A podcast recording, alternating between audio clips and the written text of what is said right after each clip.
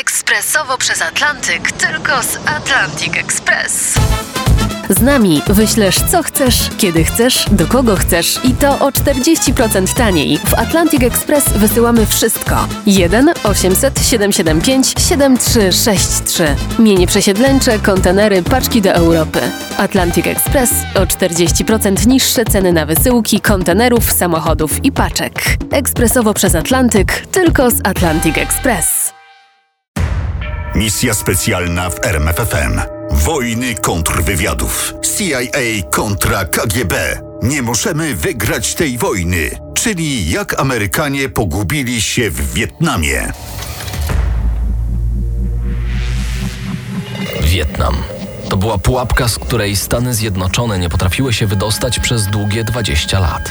Najpierw działała tam tylko Centralna Agencja Wywiadowcza, głównie za pośrednictwem akcji komandosów, gdzieś za liniami wroga. Dopiero po 10 latach, w roku 65, prezydent Lyndon Johnson uznał, że do Wietnamu powinna wyruszyć armia, aby wreszcie wygrać tę paskudną wojnę. Dywizje powietrzno-desantowe, komandosi, kawaleria powietrzna, w sumie około 250 tysięcy żołnierzy. Kwiat US Army weszło do wietnamskiej dżungli i ugrzęzło w niej na kolejne długie lata. Aby ich wyciągnąć, potrzebna była dobrze zaplanowana ofensywa, a do zaplanowania dobrej i skutecznej ofensywy potrzebny był wywiad. Przecież ktoś musiał ustalić, gdzie znajdują się słabe punkty nieprzyjaciela. CIA znów miało mnóstwo roboty. Wietnam. Przez dobre 10 lat był moim koszmarem. Przyznał Richard Helms, od niedawna szef CIA. Na froncie wojny wywiadowczej w Azji Południowo-Wschodniej zaangażowano tysiąc agentów operacyjnych. W centrali w Langley 3000 analityków próbowało odpowiedzieć na pytanie, czy możemy wygrać tę wojnę. Agenci i oficerowie działający w terenie byli pewni zwycięstwa. Analitycy twierdzili, że nie. Młody 23-letni analityk agencji, a w przyszłości jej szef Robert Gates zwrócił uwagę na pewien niepokojący trend. Zauważyłem, że Stany Zjednoczone tracą pilotów, a bombardowania przeprowadzają siwowłosi pułkownicy. Skąd mamy brać nowych, doświadczonych ludzi? To wtedy zrozumieliśmy, że nie możemy wygrać tej wojny. Brutalna proza wojny wywlekła na wierzch jeszcze jedną słabość Ameryki. O komunistycznym Wietnamie Północnym CIA wiedziała niewiele. Nie mogliśmy stwierdzić, co się dzieje na wyższych szczeblach rządu Ho Chi Minha.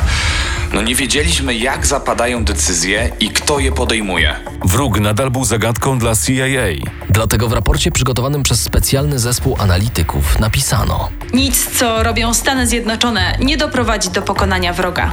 Ale do Białego Domu trafił również inny raport. Autorem raportu był Robert Cromer, pracownik CIA, a jednocześnie adiutant dowodzącego Amerykanami generała Williama Westmorelanda. Cromer często pisał do prezydenta Johnsona. Tym razem jednak główną myśl raportu można streścić do jednego zdania. Pytanie, jakie chcemy postawić, nie brzmi, czy wygramy, tylko jak szybko chcemy wygrać. Richard Helms się wściekł. Dobrze wiedział, że Cromer wygaduje bzdury. Według szacunków agencji siły komunistów wietnamskich przekroczyły pół miliona żołnierzy i partyzantów. Tymczasem Comer i generał Westmoreland twierdzą, że jest ich nie więcej niż 300 tysięcy. Helms postanowił zmusić ich, by spojrzeli prawdzie w oczy. Ale to nie było takie łatwe. Wy, chłopcy, po prostu musicie się wycofać. Tłumaczył Cromer. Prawda, na której tak wam zależy, doprowadzi do publicznej katastrofy. Helms ustąpił. Ustąpił, ponieważ musiał dopasować się do polityki prowadzonej przez prezydenta Johnsona. W raporcie napisał: Po stronie wroga walczy nie więcej niż 299 tysięcy żołnierzy.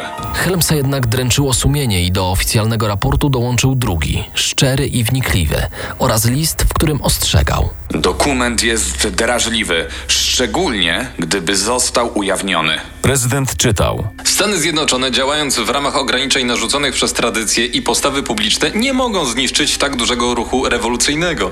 Amerykańskie siły zbrojne strukturalnie nie nadają się do zmagań z partyzantką zdeterminowanego przeciwnika. Nie jest to nowe odkrycie. Prezydent odłożył ten dokument do szuflady, bo psuł promowany przez polityków i media obraz wojny w Wietnamie. Ale takich niechcianych dokumentów było wiele. Historyk CIA Tim Weiner dowiedział się, że w archiwum nieopodal Pentagonu czeka na historyków 13 kilometrów mikrofilmów, a to tylko skromny procent raportów zdobytych przez CIA w czasie wojny wietnamskiej. Nigdy tak wiele danych nie znaczyło tak niewiele. Napisał Weiner. Prowadzenie tej wojny opierało się na serii kłamstw, którymi politycy wzajemnie się karmili. Ale była jeszcze druga strona medalu, która dopełniła tragedię Amerykanów w wojnie wietnamskiej. Zaczęło się od serii niezrozumiałych dla pilotów niepowodzeń podczas bombardowań. Na podstawie raportów Theodore Shackley, szef placówki CIA w Saigonie zauważył. Wietnamczycy zawsze byli uprzedzeni o nalotach bombowców strategicznych B-52. Nawet jeśli ze względu na złą pogodę B-52 kierowały się nad cel zapasowy, wiedzieli, co będzie obiektem nalotu. To było niesamowite. Nigdy nie doszliśmy, co się działo. O podobnych wypadkach donosili również oficerowie marynarki wojennej. Zwykle tam, gdzie zamierzaliśmy przeprowadzić ćwiczenia floty, pojawiały się okręty radzieckie. To jest tak, jakby znali nasze plany operacyjne. Czy w CIA działa kret KGB? Wówczas w latach 60. wydawało się, że wszyscy podejrzani są pod obserwacją kontrwywiadu. A reszta? Ogromne grono szarych urzędników i oficerów firmy. Czy ich wszystkich kilka tysięcy ludzi można było skutecznie kontrolować? Był jeden z pierwszych dni stycznia 68 roku. Około południa w Waszyngtonie temperatura podniosła się do 32 stopni Fahrenheita i na ulicach zaczęła się odwilż. Miasto utonęło we mgle. Chorąży John Walker podszedł do wysokich drzwi ambasady radzieckiej. Były otwarte, więc złapał za klamkę i po chwili zniknął w budynku. Chciałbym porozmawiać z kimś odpowiadającym za bezpieczeństwo. Nie czekał długo. Na korytarzu pojawił się młody mężczyzna w dobrze dopasowanym garniturze. Dzień dobry, jak mogę pomóc? Zapytał. Nazywam się John Walker. Jestem szefem zmiany personelu łączności w sztabie dowódcy okrętów podwodnych na Atlantyku i chciałbym u was zarobić. Nie rozumiem. Ależ doskonale pan rozumie. Będziemy rozmawiać tu, czy może zaprosi mnie pan do gabinetu? Młody oficer KGB przeprosił, zniknął gdzieś w głębi korytarza. Kiedy znów się pojawił, zaprosił Walkera do gabinetu rezydenta KGB. Walker wyjął z teczki plik kartek i położył je na stoliku. Proszę, oto są klucze ustawiania maszyn szyfrujących KL47 na każdy dzień bieżącego miesiąca. Rezydent KGB, generał Borys Sołomatin, powoli przeglądał strony zapisane maszynowym pismem. Wreszcie, nie mogąc powstrzymać radości, wykrzyknął: Muszę to mieć. Walker zachował więcej spokoju. Ustalimy cenę i są pańskie.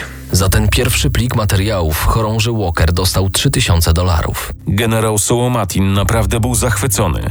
Dostaliśmy materiał, który umożliwił naszym kryptoanalitykom złamanie szyfrów amerykańskiej floty. A to dało nam ogromną przewagę wywiadowczą. Wiedzieliśmy dokładnie, gdzie są okręty US Navy i dokąd będą płynąć. Rzadko zdarza się, żeby tak cenny agent sam się zgłosił do współpracy.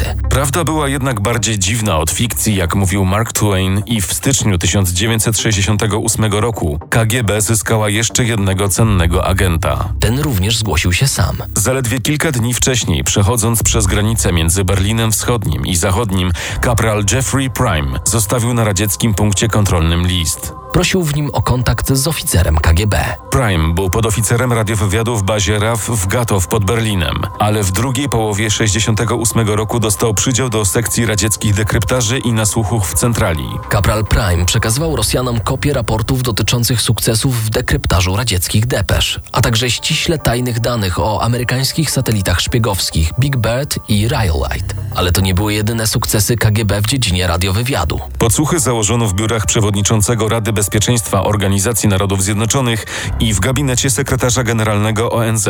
Kierowany drogą radiową aparat podsłuchowy przymocowano do fotela w sali konferencyjnej Senackiej Komisji Spraw Zagranicznych w Waszyngtonie. Później, już w latach 70., Rosjanie podsłuchiwali rozmowy między Waszyngtonem a bazą lotniczą Andrews i samolotem prezydenckim Air Force One. Zdarzało się również, że ludzie z KGB poznawali nie tylko sekrety polityczne, ale również rozterki miłosne. Yuri Andropow często się chwalił, że jego KGB podsłuchuje prywatne rozmowy Henry'ego Kissingera, doradcy prezydenta. To były mocne atuty, które KGB i Związek Radziecki wykorzystały przeciw Ameryce podczas wojny w Wietnamie i nie tylko. Chorąży John Walker spotkał się z oficerem KGB ponownie w lutym 68 roku w domu towarowym w Aleksandrii pod Waszyngtonem. Przywiózł z sobą karty z kluczami do szyfrów, za co dostał 5000 dolarów. To nasze ostatnie spotkanie, ale proszę się nie martwić, nie zrywamy z panem kontaktu.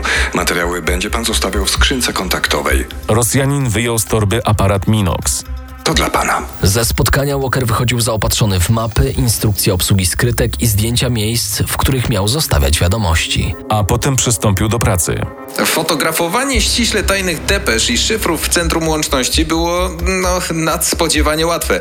Nawet sieć tanich supermarketów Kmart ma lepszych strażników niż marynarka. Chwalił się Walker. Na tę wyszydzaną przez Walkera łatwość wpływ miała opinia, jaką zdobył sobie przez lata służby. Walker jest wysoce lojalny, jest dumny z siebie i służby w marynarce. Żarliwie popiera jej zasady i tradycje. Posiada wyrobione poczucie osobistego honoru i wiarygodności, połączone z wielkim poczuciem humoru. Jest przyjacielski, inteligentny i posiada zdolności do harmonijnej współpracy z ludźmi.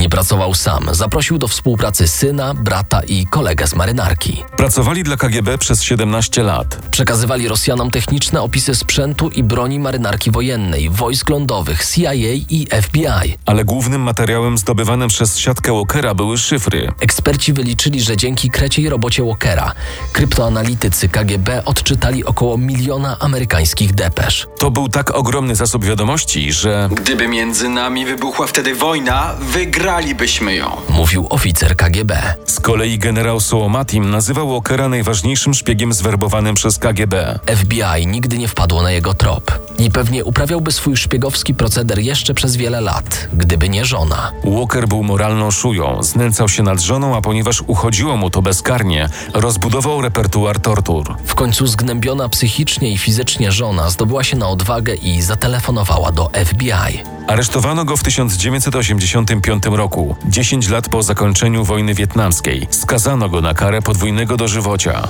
Kaprala Prima również omijał kontrwywiad. MI5 nawet nie podejrzewała, że jest radzieckim szpiegiem. Wpadł w 1982 roku za molestowanie nieletnich dziewczynek. KGB straciło dwa jokery ze swej szpiegowskiej talii. A tymczasem zimna wojna osiągnęła punkt krytyczny. Misja specjalna w RMFFM. Na tropie największych tajemnic historii.